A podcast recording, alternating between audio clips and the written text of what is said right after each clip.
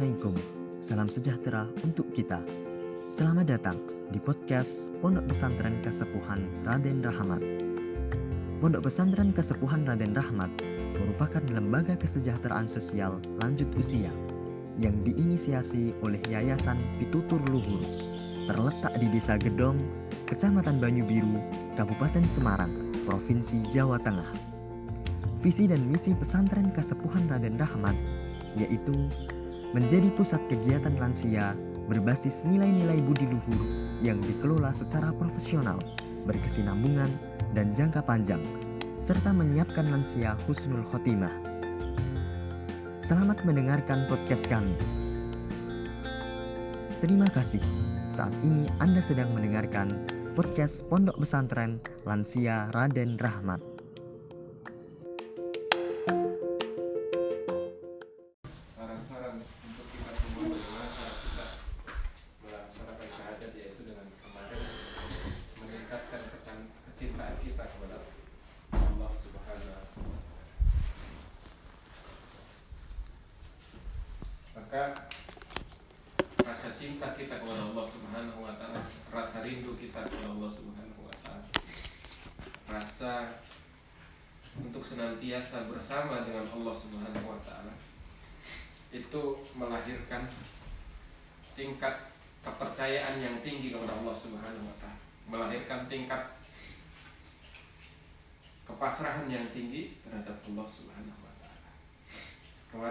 Sudah bahas tentang bagaimana cinta kita kepada Allah Subhanahu wa taala bahwa secinta apa pun kita terhadap makhluknya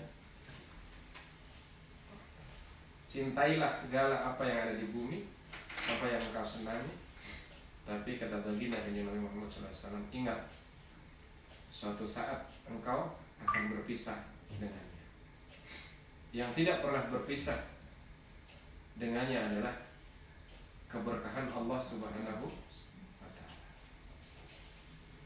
Maka hal inilah yang kemudian menjadi patokan kita agar kita senantiasa mencintai Allah Subhanahu wa taala di atas cinta segala-galanya.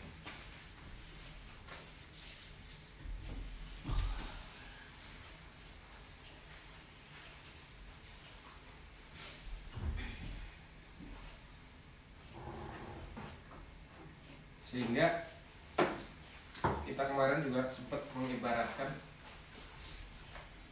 kecintaan kita kepada Allah Subhanahu wa taala itu oleh Allah Subhanahu wa taala diumpamakan atau di ya, bahasa Jawa sanepokan atau di ibaratkan itu sebagaimana perniagaan kita dengan Allah Subhanahu wa taala.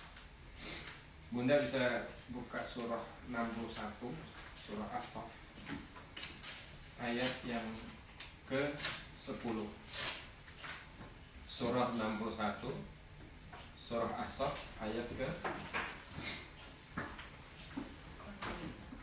10 Kenapa Bun? Surah 61 Oh, beda ditulis nih Oh, Surah 61 Kemarin belum kemarin bukannya sudah? Oh yang kemarin sama Iya. Yang keberapa sama yang kayak kemarin Suratnya sama yang kayak kemarin Surat yang kemarin baru dibahas tentang cintanya. Ternyata kemarin Sudah ya Bun. Iya. Saya bacakan ayatnya. Ya ayyuhalladzina amanu wahai orang-orang beriman hal adulukum maukah engkau aku tunjukkan kepada kalian hal adulukum ala apa itu ala tijarah yaitu sebuah perniagaan sebuah perdagangan ala tijarah tunjikum min adabin alim yang dengan itu akan menyelamatkan siksa kalian. Kemudian Allah katakan, apa bentuk perniagaan itu? Kata Allah Subhanahu wa taala, tu'minuna billah wa rasuluh. Tu'minuna billah itu artinya ashadu alla ilaha illallah. Wa rasuluh beriman kepada Rasulullah SAW asyhadu alla ilaha illallah. Ternyata bentuk kalimat syahadah, keyakinan kita terhadap Allah melalui syahadat kita itu bentuk perniagaan sebagaimana persaksian Bunda dengan kantornya. Kalau ketika bekerja, kesaksian Bunda dengan para pelanggannya ketika berdagang, kesaksian Bunda dengan pihak-pihak lain ketika bertransaksi. Ini adalah bentuk contoh kita. Hal adu lukum tijarah ala tijarah. Allah Subhanahu wa taala menunjukkan perniagaan yang luar biasa kepada kita. Apa itu perniagaannya? Tu'minuna billah. Karena ternyata dengan beriman itu kepada Allah dan Rasul itu bukan sesuatu yang mudah ternyata. Bukan sesuatu yang yang mudah. Sebagaimana kita bekerja bukan juga sesuatu yang mudah. Sebagaimana kita berdagang juga bukan sesuatu yang mudah, butuh perjuangan. Para sahabat-sahabat di awal-awal kenabian itu merasakan betul bagaimana intimidasi kaum-kaum kufar, kaum-kaum kafir itu terhadap orang-orang beriman. Nah, kita intimidasinya nggak kelihatan nih, nggak kelihatan. Zaman dulu betul-betul fisik, sehingga penentang-penentang agama Allah itu sekarang makin cerdas juga, makin cerdas juga. Orang Islam ini nek dilawan pakai fisik, nek dilawan langsung sudah terbukti dari sejak zaman kenabian Nabi Allah Muhammad SAW sampai hari ini Islam itu kalau dilawan fisik nggak bakalan bisa. Pangeran Diponegoro ketika mau menunjukkan apa namanya dirinya bahwa dia hubul waton minal iman, seorang pangeran Diponegoro putra sultan dilawan dengan serdadu yang sedemikian banyak, logistik yang sedemikian banyak, pasukan yang sedemikian hebat. Tapi Pangeran Diponegoro itu membuat pusing Belanda, menguras habis 10 tahun logistik yang ditabung. Prajuritnya habis. Kenapa? Tijarahnya Pangeran Diponegoro bukan dengan biasa. Tapi dengan Allah Subhanahu wa taala. Dengan apa? Tu'minuna bila dia meyakini innallaha ma'ana. Allah itu bersama kita. Sehingga Bunda yang rahmat Subhanahu wa taala Ketika kita sudah meyakini ini, betapa banyak cerita-cerita terdahulu baik yang ada di dalam Al-Quran, dalam hadis, dalam sejarah-sejarah kaum muslimin itu orang-orang yang menyerahkan dirinya kepada Allah Subhanahu wa taala tu'minuna billah wa rasuluh wal yaumil akhir itu sudah hilang urat takutnya. Sudah hilang urat kekhawatirannya. Sudah hilang rasa was-wasnya tidak ada lagi kata-kata wala tahinu wala tahzan. Tidak ada lagi kata-kata dia gelisah, dia resah. Karena apa? Sudah semuanya diserahkan sama sama Allah dan Rasulnya. Tapi kemarin saya tutup dengan kalimat tidak nyerahin itu begitu aja. Artinya kita juga tawakal itu tidak serta merta. Faidah azamta. Azam itu kemauan yang kuat. Kemauan yang kuat itu beda dengan angan-angan. Beda dengan lintasan. Ah aku pengen sholat. Tidak Faidah azamta pengen sholat itu ya bener-bener Belajar Berusaha, berlatih. Itu faidah azamta. Maka salah satu perniagaan kita dengan Allah Subhanahu wa taala yaitu tu'minuna billah wa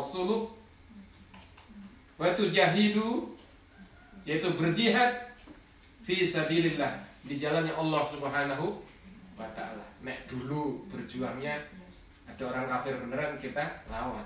Orang yang menentang Islam kita lawan. Sekarang pun penentangnya nggak kelihatan. Halus sekarang penentangnya. Bu, ini PSBB ya, nggak boleh pengajian. Bu, ini PSBB ya, boleh maulidan nanti kalau maulidan pengajian tak tangkap loh. Ada undang-undangnya. Halus banget. Bu, nggak boleh ya melaksanakan syariat. Nanti apa namanya? Radikal. Giliran nggak punya duit. Tahun ini 27 triliun. Proyek negara akan dibiayai dengan wakafnya orang muslim. Nah ini gimana ceritanya? Kita mau beribadah nggak boleh, dilarang ini itu ada aturannya, giliran ada duitnya. Nah, kata orang Jawa lucu-lucu batok. Ya Bu Sri, lucu-lucu batok. Seluguk-seluguk batok itu kan yang benernya. Ngeselin kayak begini namanya. Orang-orang begini dia bukan apa namanya wajah hidup visabilillah berjihad demi keenakannya sendiri. Karena kalau untuk Allah tidak mungkin menyengsarakan tidak mungkin belah sebelah. Sehingga ketika literasi eh ketika pembahasannya ketika apa namanya berbicara kemudian mengambil dasar ini Arab ini apa agama Islam ini agamanya orang Arab agamanya pendatang. Nggak usah aneh-aneh di sini giliran nggak punya duit mintanya sama kita. Yang sudah lama kan dana haji kan sudah dipakai kan? Coba dana abadi umat di dana haji dipakai. Sekarang wakafnya dipakai. Terakhir apa? Kencelengan juga. Loh, Jakarta itu kencelengan kayak gini di sweeping loh bu berita enggak belum pernah dengar jadi kain celengan yang biasa kalau kita di warteg orang Padang itu di sweeping ini punya siapa punya siapa dalilnya begitu. Makanya Agim nitipnya di sini. Nih. ini punya Agim nih. Dititipnya di sini. Enggak, ini bercanda ini karena Kalimah ikut. Kayak gitu, luar biasa. Ya, wa wa, wa yujahidu fi sabilillah bi amwalikum dengan harta mereka. Di- Dipikir negara itu kayak ulama. Ini umatnya udah bagus nih, ulamanya gue bunuhin. Bunuhinnya tidak langsung ditus maksudnya, ditangkepin. Ditangkepin udah nggak ada yang bunyi kan sekarang. Dia pikir gantian umatnya saya gerakin, eh lo wakaf lo, Lo zakat lo buat apa? Bangun. Kemarin ada fikih. Eh, saya juga baru tahu. Ternyata di hukum Islam itu tentang pajak itu dibolehkan jika yang pertama baitul mal itu sudah nggak ada lagi orang sedekah dengan sukarela. Dan itu pun ternyata pajak itu kalau di Islam diajarkannya dalam kondisi apa ya darurat Bolehnya misalnya nggak ada lagi negara nggak bisa bangun rumah sakit tuh baru. Ayo busang anak pajak-pajak buat apa? Bayar eh, bikin rumah sakit. Lah kita apa aja dipajekin? Yang terbaru tau nggak? Kita kalau beli perdana simpat eh, perdana itu kartu sudah dipajekin. Apa aja sekarang? Apa aja dipajekin? Masya Allah. Jangan-jangan besok kita bersin juga bayar pajak nih bu. Wah motorin loh. Dah harga kena pajak. Negara udah pusing. Iya betul. Restoran itu sekarang yang di sepanjang ini kalau sudah kena dispennya itu struk kita dikasih 10% dari total warung ini loh bu, warung kampung Sama. yang di bawah itu tuh. Itu juga kaget. Supermarket makan apa itu sama. Sudah ada tulisannya sekarang. Warung ini apa namanya PPN. dipungut PPN 10% tentang dispenda Kabupaten Semarang. Ya, lah warung kampung. Semua di semua juga di eh, apa di Cirebon juga kayak gitu. Eh, supermarket, rumah makan, warung makan. Nah, kalau yang gini, yang gini ngikutin kita nih. Wajah hidup di amwal Dia pikir kita dioyak-oyak. Ayo yo, orang Islam tuh harus bantu negara. Tapi kada ngomong. Iya giliran gitu bantu negara. Bu Yani yang digituin pret. Eh, ada kada ngomong. gitu kan. Wah, kacau nih. Sehingga apa? Wajah hidup bi amwalikum itu apa namanya? Jihad fisabilillah dengan amwal dengan harta itu kadang-kadang ini jadi permainan penguasa. Permainan penguasa. Ya nek meng saya kan saya bercanda itu. Nek meng jadi presiden cuman begitu tak Takmir masjid itu paling siap jadi presiden. Dan dia biasa jadi amil. Kalau cuma cara nyari duitnya begitulah, takmir masjid juga siap jadi presiden. Gak berani apa dosa. Mau yang kreatif dikit gitu loh, nyari uangnya. Wa angfusihim dengan diri mereka. Dengan diri mereka. Kemarin sudah saya ceritakan sosok anak muda itu yang dihadiahi istri cantik, ternyata malam itu ada perintah berjihad tinggal tuh malam pertamanya nggak jadi. Terus alhamdulillah dia syahid. Luar biasa. Wa angfusik. Dalikum khairul lakum in kuntum ta'lamun. Yang demikian itu adalah lebih baik bagi kalian jika kalian adalah orang-orang yang mengetahui. Jadi perniagaan itu diibaratkan oleh Allah eh keimanan kita kepada Allah Subhanahu wa taala itu diibaratkan sebuah perniagaan. Yakni kalau kita berniaga, lihat. Pasti kita akan sungguh-sungguh bi amwalihum. Kita cari modal. Gitu? Kita cari modal. Nah, kita sudah cinta sama Allah Subhanahu wa taala juga sungguh-sungguh. Nabung gimana caranya? Bisa sedekah. Nabung gimana caranya bisa naik haji. Nabung gimana caranya bisa umroh. Nabung gimana caranya bisa memuliakan orang lain dengan amal-amal solehnya. Ya kan? Di amwa wa anfusikum.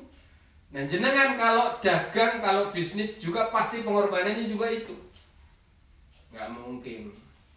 Ya biar ayam saya laris mah, lapaknya udah saya sewa ini, taruhin ya ayamnya. Tinggal tiduran dulu, nggak mungkin. Pasti anfus diri juga kita korbankan. Nungguin pembelinya mana ya? Pembelinya mana ya? Yang bekerja juga begitu. Nggak mungkin setelah diangkat jadi karyawan dia diam aja, diam aja nggak mungkin. Pasti dia sungguh-sungguh bekerja, sungguh-sungguh bekerja. Sehingga apa? Pikirannya, tenaganya diperas gimana caranya dia target-target yang sudah di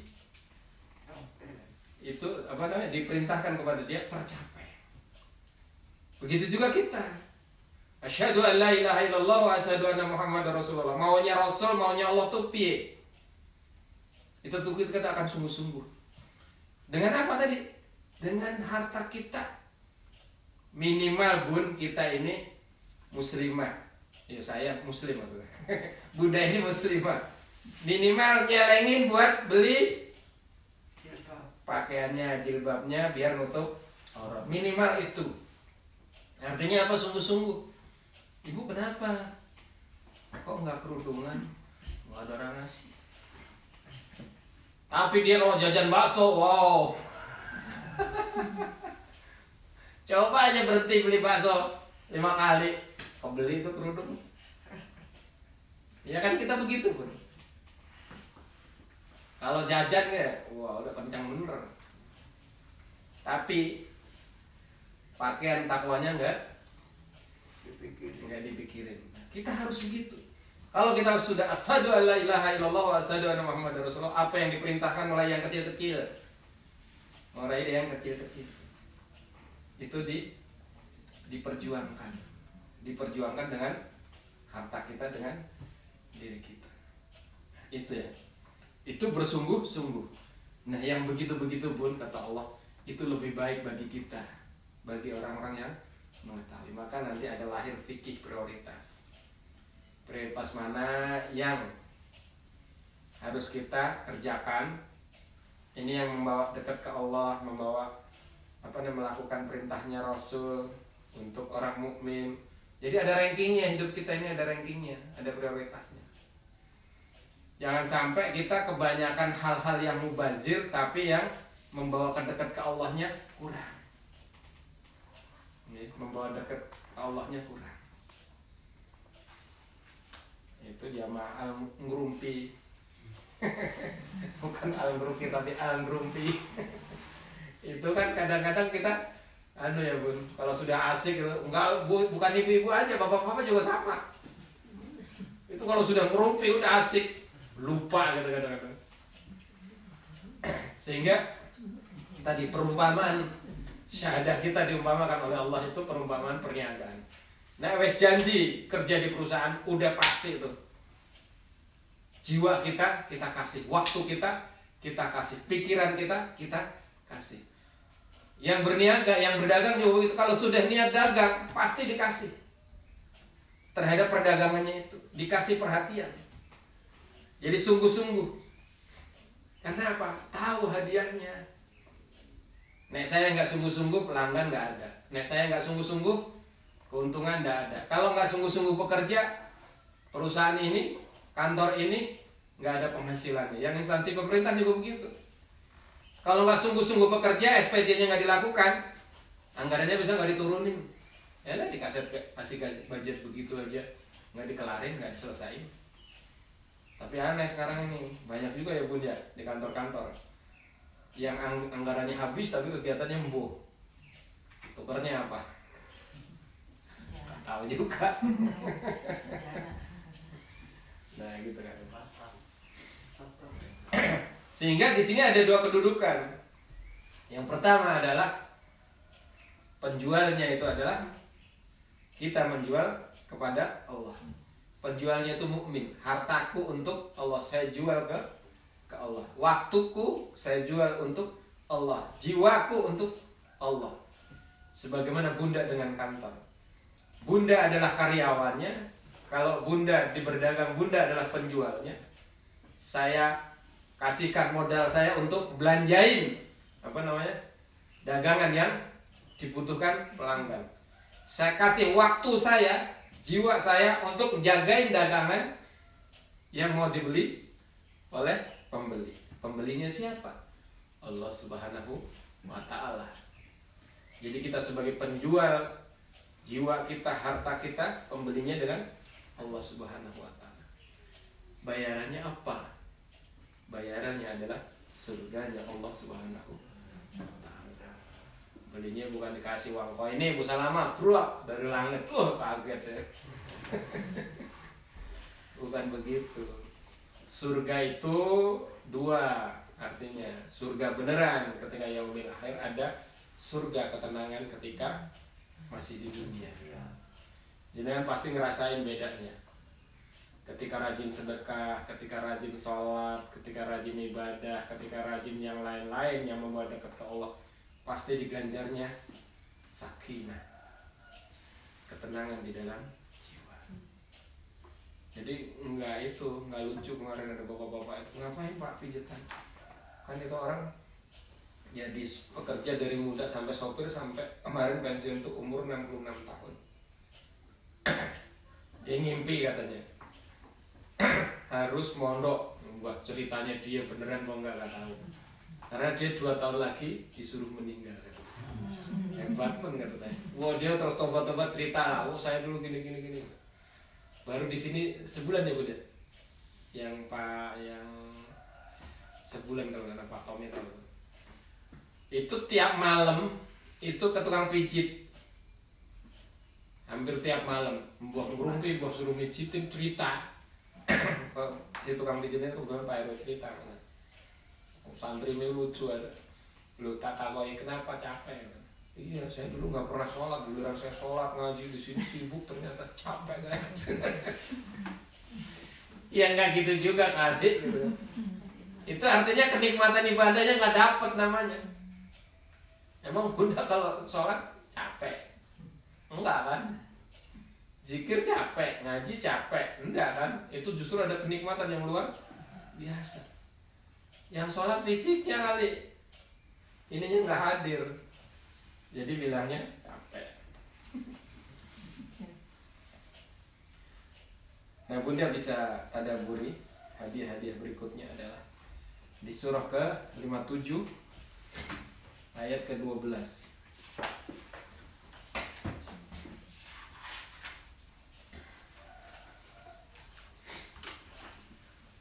A'udzu billahi minasyaitonir rajim. Bismillahirrahmanirrahim. Yauma taral mu'minin. Pada hari itu wahai engkau akan melihat orang-orang mukmin wal mukminat orang-orang wal mukminin orang mukmin laki-laki wal mukminat orang mukmin yang perempuan. Yas'anu ruhum. Itu seperti cahaya tampak pada wajahnya. Baina aidihim di depan mereka wa bi aimanihim dan di samping kanan mereka yusrofuhum kabar gembira bagi kalian. Al yauma pada hari ini jannatu yaitu surga-surga tajri min tahtihal anhar tubun. Orang itu kalau berniaga sama Allah yang pertama di yaumil akhir nanti yang membedakan kita dengan orang-orang yang tidak beriman itu pertama wajahnya bercahaya berseri-seri. Malaikat tuh udah nggak usah pusing. Itu udah otomatis. Nggak usah di sana deh.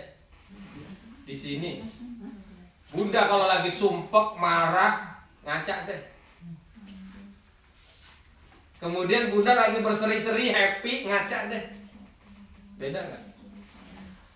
Nggak usah nungguin yaumil akhir sekarang nih bunda kalau lagi happy seneng kenapa?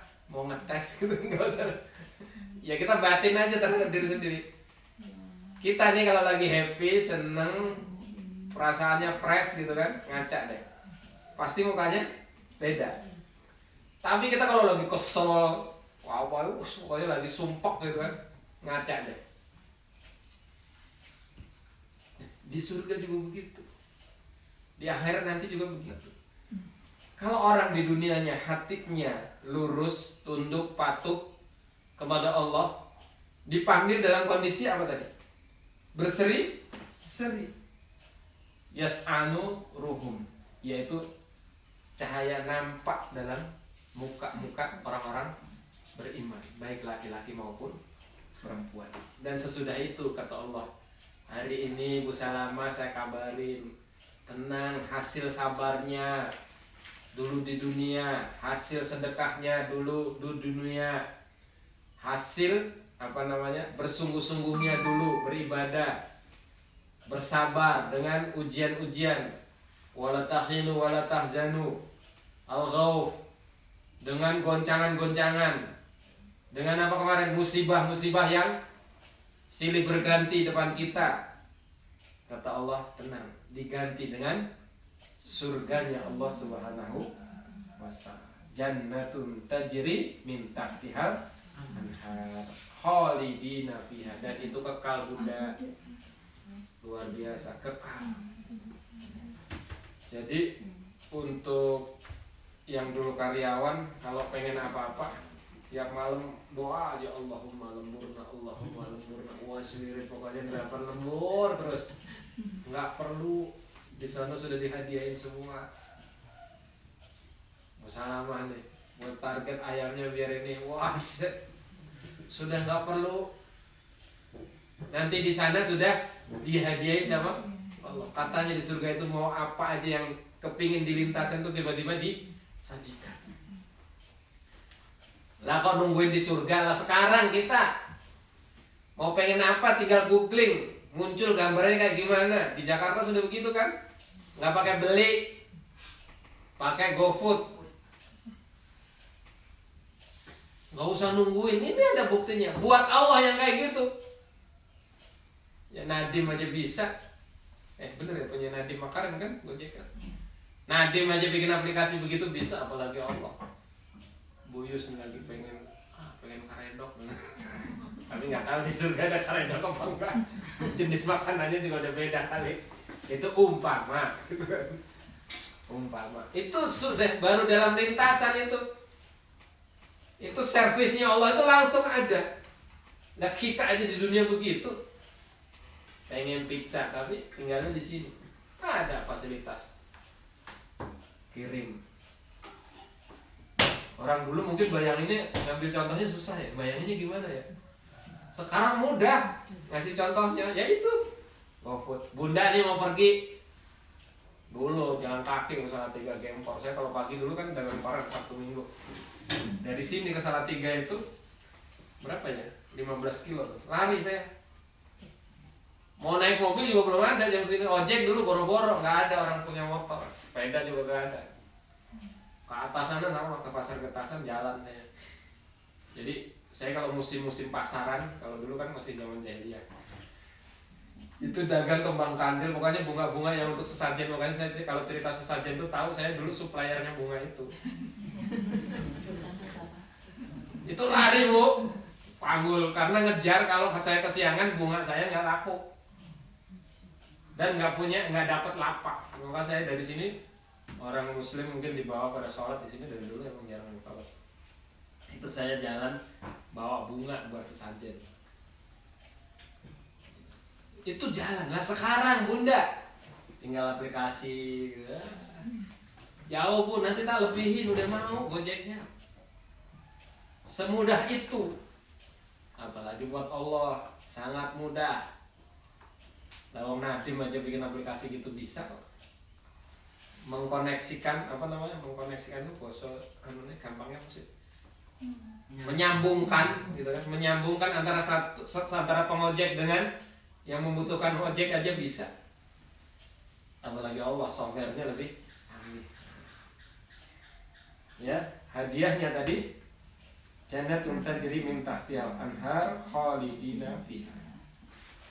Dzalika huwa fauzul hadim itulah hadiah yang nyata untuk memberikan apa namanya ganjaran terbaik atas kemenangan-kemenangan yang Bunda capek yang selama ini bersabar, kasih masalah sabar, diledekin temennya sabar, melawan dirinya lagi, ogah sabar, maksudnya sabar itu sabar melaksanakan, biar ya saya mau ogah sabar dengan ogahnya, bukan begitu maksudnya, sabar dengan perasaan ogah-ogahannya, tapi sabar bersungguh-sungguh. ini hadiahnya tajri min tahtiha khalidina fiha kekal buka lagi di surah kedua ayat 265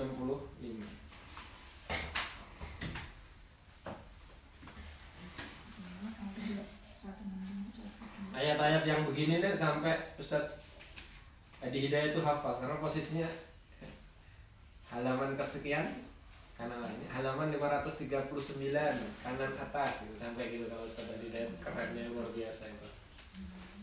Quran sampai hafal kayak gitu ini beneran ini tadi yang ayat-ayat istimewa ternyata posisinya begitu. Mudah dimengerti. Bunda tadi lihat? Yang 57 tadi? Dekat. Yang ini juga sama 265 A'udzu billahi minasyaitonir rajim masalul ladzina yunfikun. Dan perumpamaan alladzina yunfikun orang-orang yang menginfakkan awaluhum harta mereka. Amwaluhum ibtigha'a untuk mencari mardotillah ridhonya Allah Subhanahu wa taala. Watas watas bi watas bita dan untuk memantapkan min angfusihim dari diri mereka kama sali jannati. Seperti perumpamaan kebun. Biroi biroiwat ditanam yang di dataran yang tinggi asobaha wabil yaitu yang kemudian mengenai hujan. Ataupun ketika tidak ada hujan kata Allah Subhanahu wa taala fa'atat maka ia juga menghasilkan. Ukulaha tigufain dari apa hasil yang dua kali lipat lebih banyak. Wa ilam yusibha wabilu maka apabila hujan itu tidak ada maka Allah kemudian menyiramnya watolu dengan embun-embun yang cukup. Maka ini saya baru tahu nih ada ayatnya. Kenapa di puncak? Kenapa di apa namanya? Di kopeng di sini itu tanaman itu nggak pernah mengenal musim.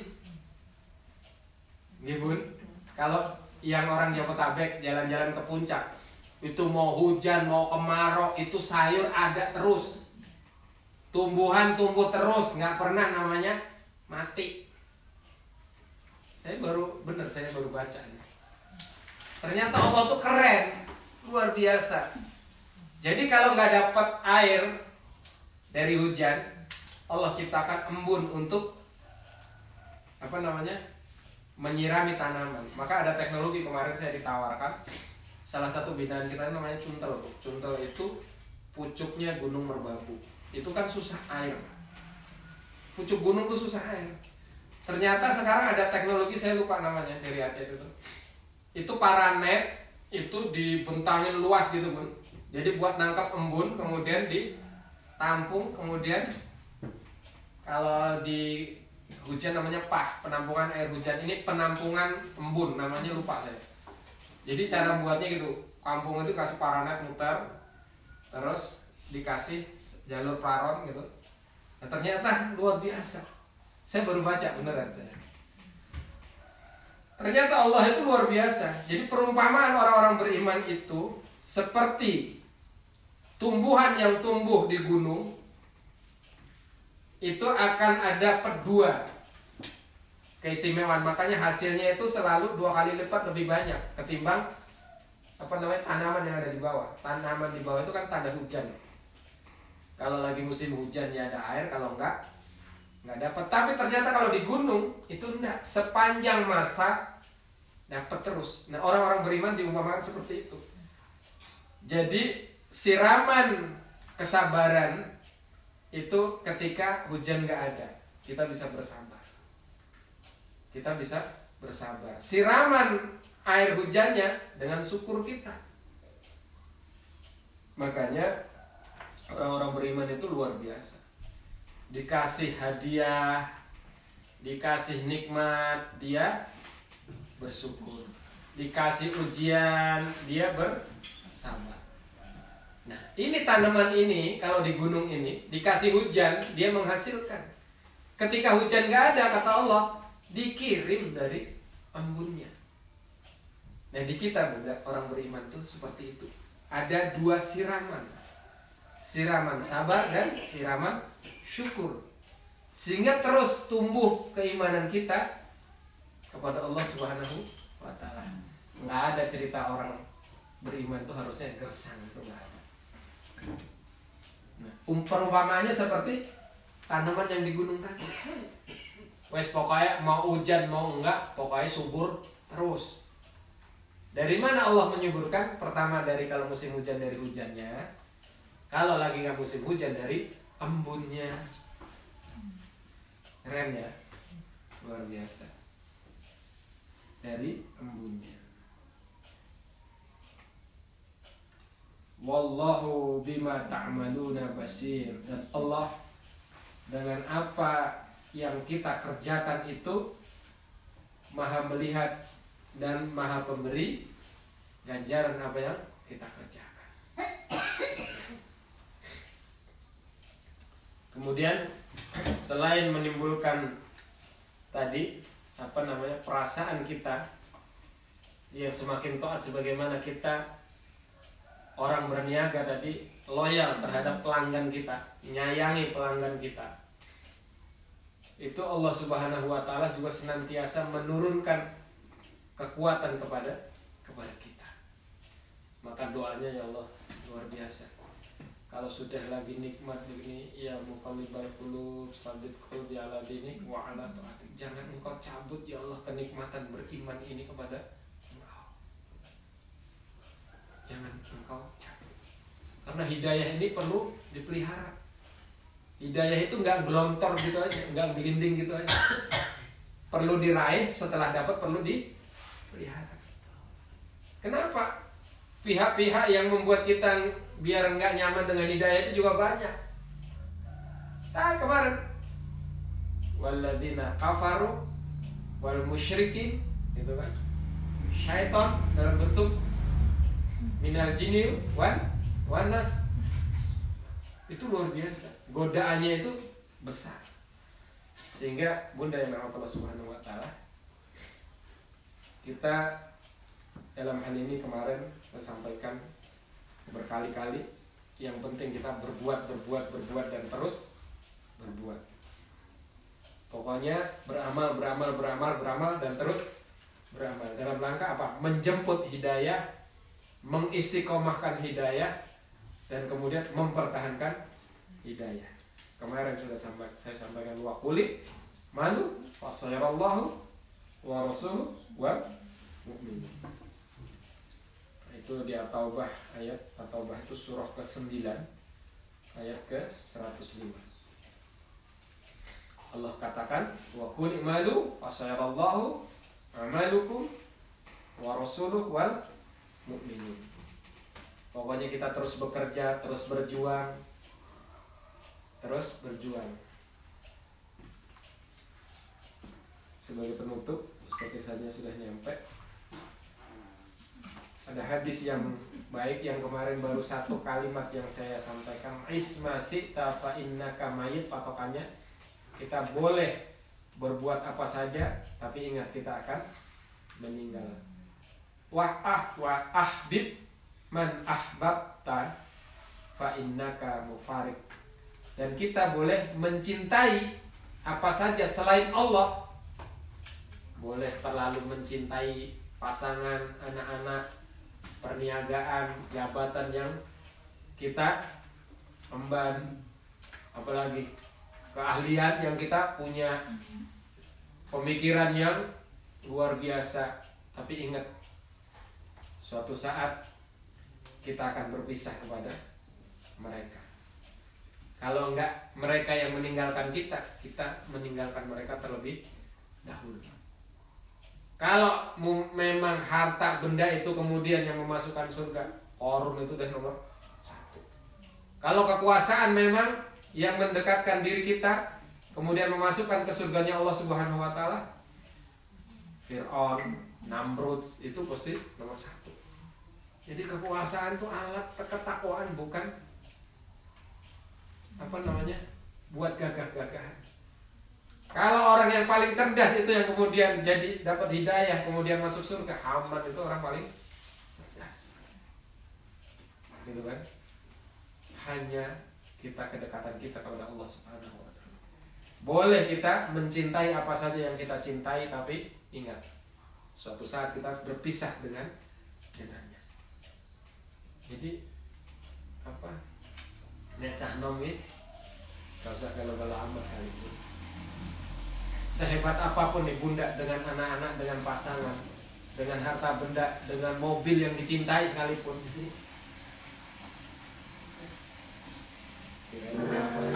Dengan mobil yang dicintai sekalipun. Contoh nih kita bisa hitung pejabat yang hari ini mobilnya mewah-mewah pengusaha yang hari ini mobilnya hebat-hebat taruh. Misalnya apa sih sedan termahal. Emang di kuburan dia dianterin sama sedannya? Iya kan? Suami deh anak deh. Emang ada yang selama ini dikabarkan orang paling soleh menemani ibunya dikubur sekubur? Ada nggak ada suami deh bagi ibu-ibu yang bapak-bapak istri deh habis itu juga tinggal pulang sendirian dewekan itu simpelnya itulah. Maka contoh hadisnya ini keren. Isma sita fa inaka kamu mau berbuat semaunya silahkan tapi kamu mau mati. Kamu boleh mencintai apa saja silahkan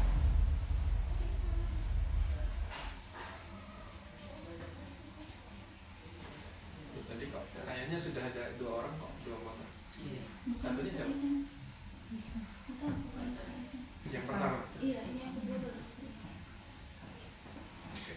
Kamu boleh mencintai apa saja, tapi sesungguhnya kamu nanti akan berpisah dengan Adi bun. Mobil terbaik kita ada nggak? Suami bunda yang bunda cintai pasti akan pisah. Bunda juga nggak mau kan suaminya meninggal duluan, saya temenin ya. Eh, mau nggak? Iya kan? Ibu aja nggak mau bilang suaminya. Iya kan? Ini tes nih. Ibu mau nggak dikubur bareng suaminya? Kan belum mati saya. Lah katanya sehidup semati. Pret.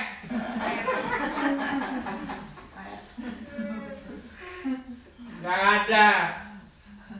Bener nih mas, dulu harusnya gitu. Bener nih mas, ntar kalau gua mati duluan lu dikubur juga bareng saya kan? Kata mulianya Fred, nggak ada. Bagusnya nikah lagi. Iya. Usaha. Oh, Ustaz Nur Koleh. Dari Babatnya ya, Ustaz? Iya, tadi satu Amrik kita ini. Tak pikir Intel. Wah, bajunya sama. Lagi kadem Ya kan, Bu? Maka hadis ini keren kan? Isma sita fa inna kamain berurutan. Berurutan. Wes, wes sholat luweh, ora sholat luweh, dikandani koncone nurut luweh gitu kan. Nek pusri kan yang penting gue emang ngasih tahu. Kan kewajiban lu mau sholat luweh ngaji luweh gitu kan. Kata Bu Sri tapi kan lu nanti mati juga tahu tapi nggak diomongin gitu depan orangnya. Terus hadis yang kedua itu lafadznya wa ahbib man fa innaka mufarik Bunda boleh nyintain apa aja anaknya, suaminya, hartanya, tabungannya ya elah. Tabungan catatan doang kata lagi. Duitnya mana? Di sono. Sama aja bohong. Sama aja bohong. Catatan doang. Tapi sesungguhnya apa? Kita nanti akan pisah dengannya. Ya, pokoknya santai aja. Jadi sekarang kalau bunda dikeselin pasangannya, dikeselin anaknya, harta yang dicintainya hilang biasa aja kali. Fred bu. Enggak kata dia sih begitu, tapi prakteknya Fred susah tahu. Saya bayangin dia nggak hilang-hilang pak. Iya. Si emas itu dulu. Iya.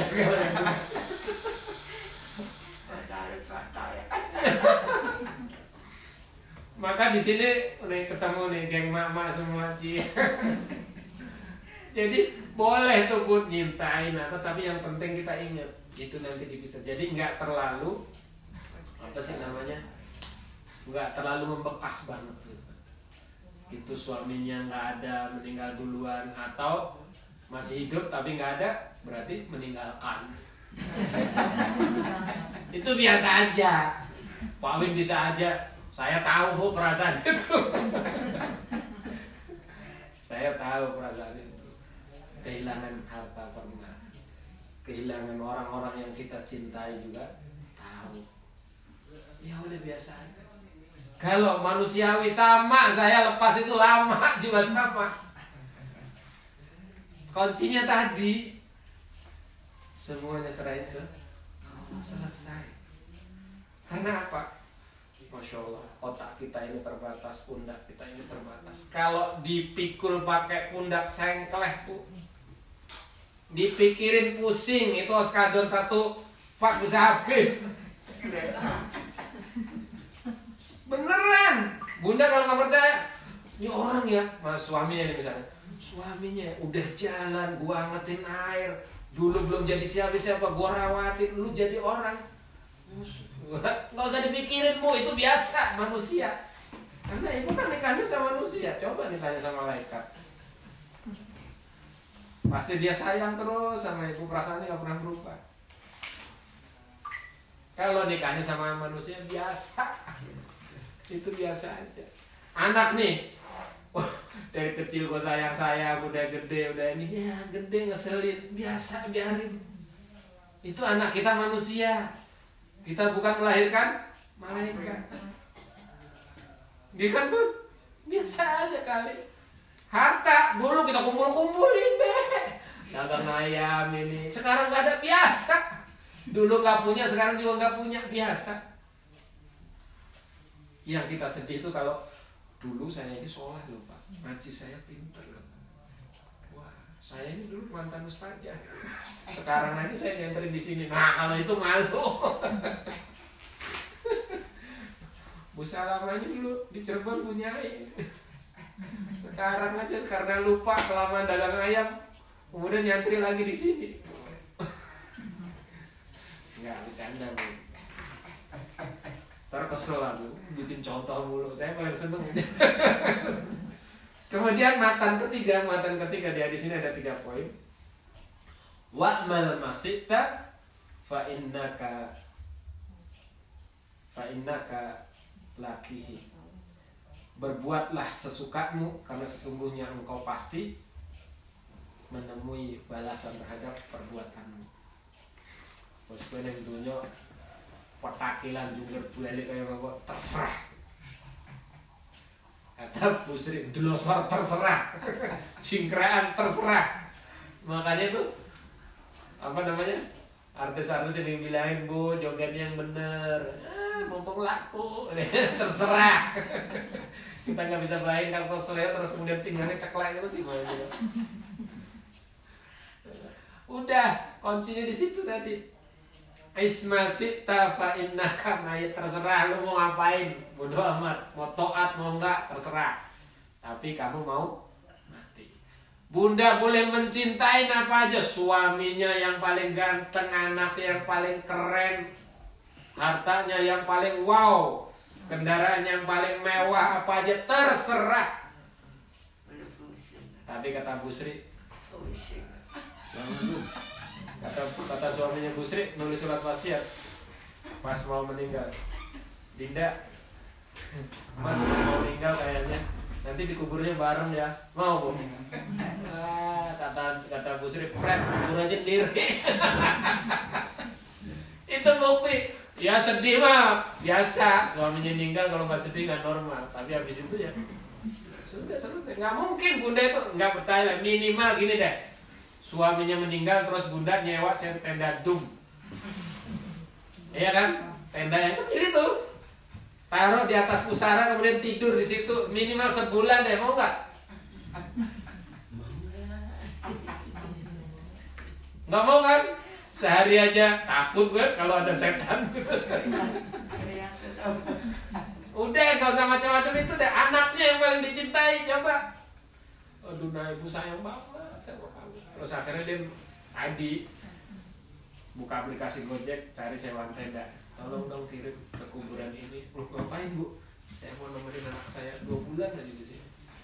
Mau nggak? Mau nggak? Contoh simpel deh mau nggak? Kalau nggak gini mobil yang paling mewah rumah yang paling mewah. Tulis tuh surat wasiat yang hari ini lebih dicintai dari Allah tulis tuh surat wasiat besok tolong saya pesenin kuburan seukuran mobil saya Dari taruh situ. mobilnya taruh situ mas dah mas yang kayak toko mas kalau jalan kerincing kerincing Mas Arman. Mas Arman. mas Arafat iya ada bunyai Mas, mas, laki-laki Mas Arman. Oke, oleh karena itu kesaksian kita kepada Allah Subhanahu wa taala asyhadu an la ilaha illallah wa asyhadu anna muhammadar rasulullah tadi sudah dijabarkan. Tidak ada yang lebih kita cintai selain Allah dan Rasul. Tidak ada yang lebih kita belain terhadap Allah dan Rasulnya. Tidak ada yang boleh kita agung-agungkan selain Allah dan Rasulnya. Karena apa yang lain tadi?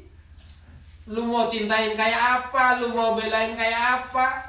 Didelosor-delosorin sampai Ya Allah mas, kamu tegel-tegel mas sama aku sampai galau segalo-galonya gitu kan. Merana muter-muter mikirin masnya yang luar biasa itu Udah bu, itu nanti juga mau mati. Kau usah ribet? Wana es digede alah nang, nang alah dulu gitu kan.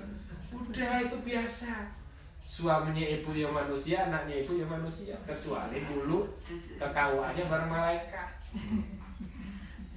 Itu beda. Deh pas gitu tau ayatnya ya udah dah suaminya mau gimana bodo amat. Yang penting ibu selaku pasangan sudah ngerti.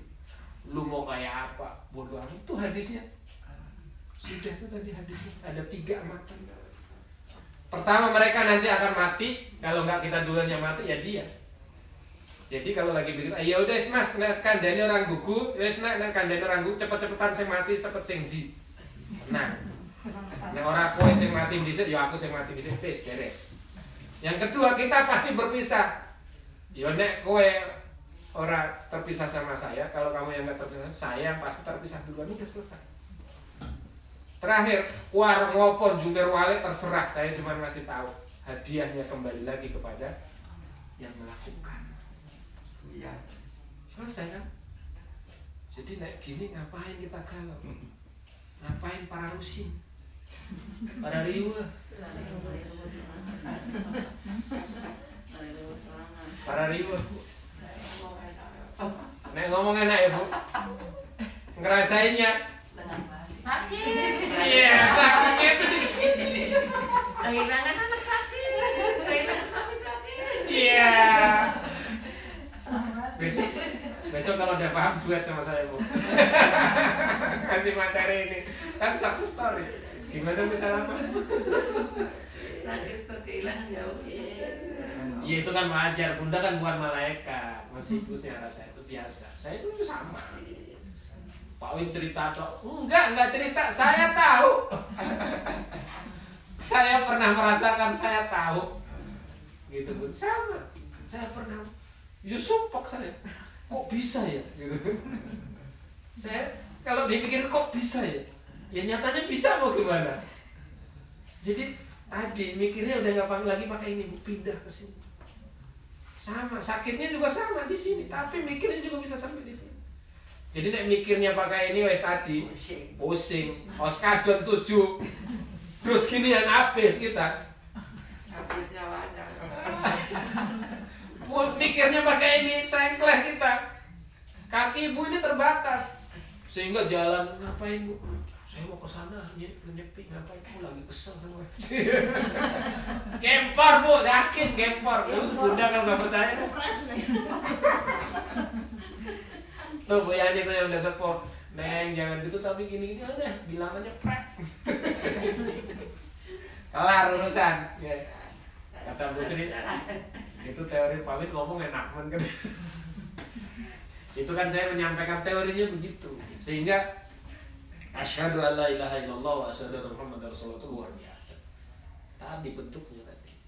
Sampai ibaratnya itu perniagaan kita dengan Allah melahirkan apa melahirkan jiwa yang kemudian kita ikhlas dengan raga kita dengan jiwa kita dengan harta kita dengan kesempatan waktu kita. Bunda kalau berniaga juga begitu. Bu Salamah nih Wah ada ayam di sono beda 2000 Dilakonin diambil. Kenapa? Wah lumayan. Di sini saya sudah bisa ngam- ngambil untung 5000 Eh ternyata di sana ada sumber yang lebih murah 2000 Dikerja itu Bu. Sehingga Bu Salamah bisa untung 7000 Dikejar kalau berniaga Modal juga begitu nggak punya Wah pelanggan banyak Dicariin sampai kita dengan Allah tuh begitu kalau sudah merasakan itu. Eh sedekah nyaman, ibadah makin nyaman, dikejar terus. Kemarin saya bilang, Bunda kalau mau percaya, rasain sholat duha, sholat tahajud itu per hajat. Gelombang pertama saya doain anak saya. Gelombang kedua, Bunda doain suaminya. Gelombang ketiga doain Anak. anaknya dan seterusnya. Itu habis. Nggak berasa, nggak berasa. Semuanya kenapa? Untuk Allah selesai. Tadi nek bukan karena dasar itu baru takut Allah. Udah flu lagi ngambil tisu dulu wah. Tampil lagi karena udah tua kata bunda sering duduk di bawah makanya ganti. Ada yang lewat. Wudhu lagi. kata bu, kata ibu udah tua kentutan katanya. Jadi itu udah berdiri tiga kali takbir, nggak sholat sholat. Pertama ingus, ke sini pinggang sakit udah kusuk orang niatnya udah kusuk ya ada yang lewat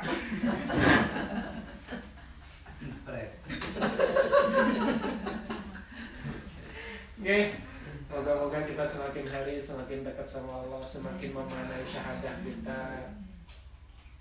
Kemudian kita semakin mengerti kemarin fasenya tadi.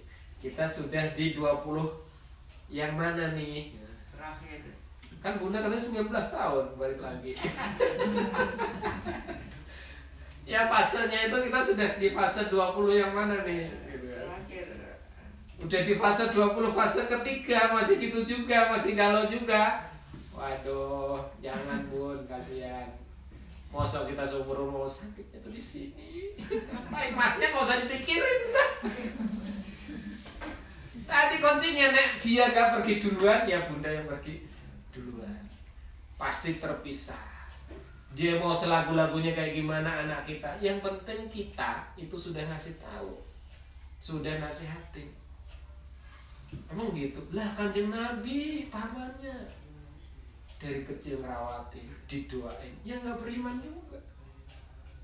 Nabi Nuh, istrinya, anaknya nggak beriman juga. Siti Aisyah, tapi mentang-mentang gitu terus suami ibu dibayangin Fir'aun ya enggak juga segala-galanya suaminya ibu enggak juga kali segala Fir'aun enggak terus besok pulang dari sini kata Pak Win kayak Fir'aun lu wah. Cari lagi pesantren lu di mana pun saya dikejar nanti enggak saya nggak ngajarin itu enggak saya mencontohkan Aisyah itu dakwain Fir'aun. Bareng anak angkatnya Nabi Musa. Itu aja enggak beriman. Pas sudah mau mati baru beriman. Pulang-pulang salah denger Pak kata Pak Win saya ini kayak Aisyah pede banget. Lu kayak Fir'aun lu. Habis saya udah. Nih mari kita tutup kajiannya dengan hamdalah bersama Alhamdulillahirabbil alamin. Subhanallahumma wa bihamdika asyhadu an la ilaha illa anta astaghfiruka wa atubu ilaik. Assalamualaikum warahmatullahi wabarakatuh. Salam deh bun santai aja bun happy aja men?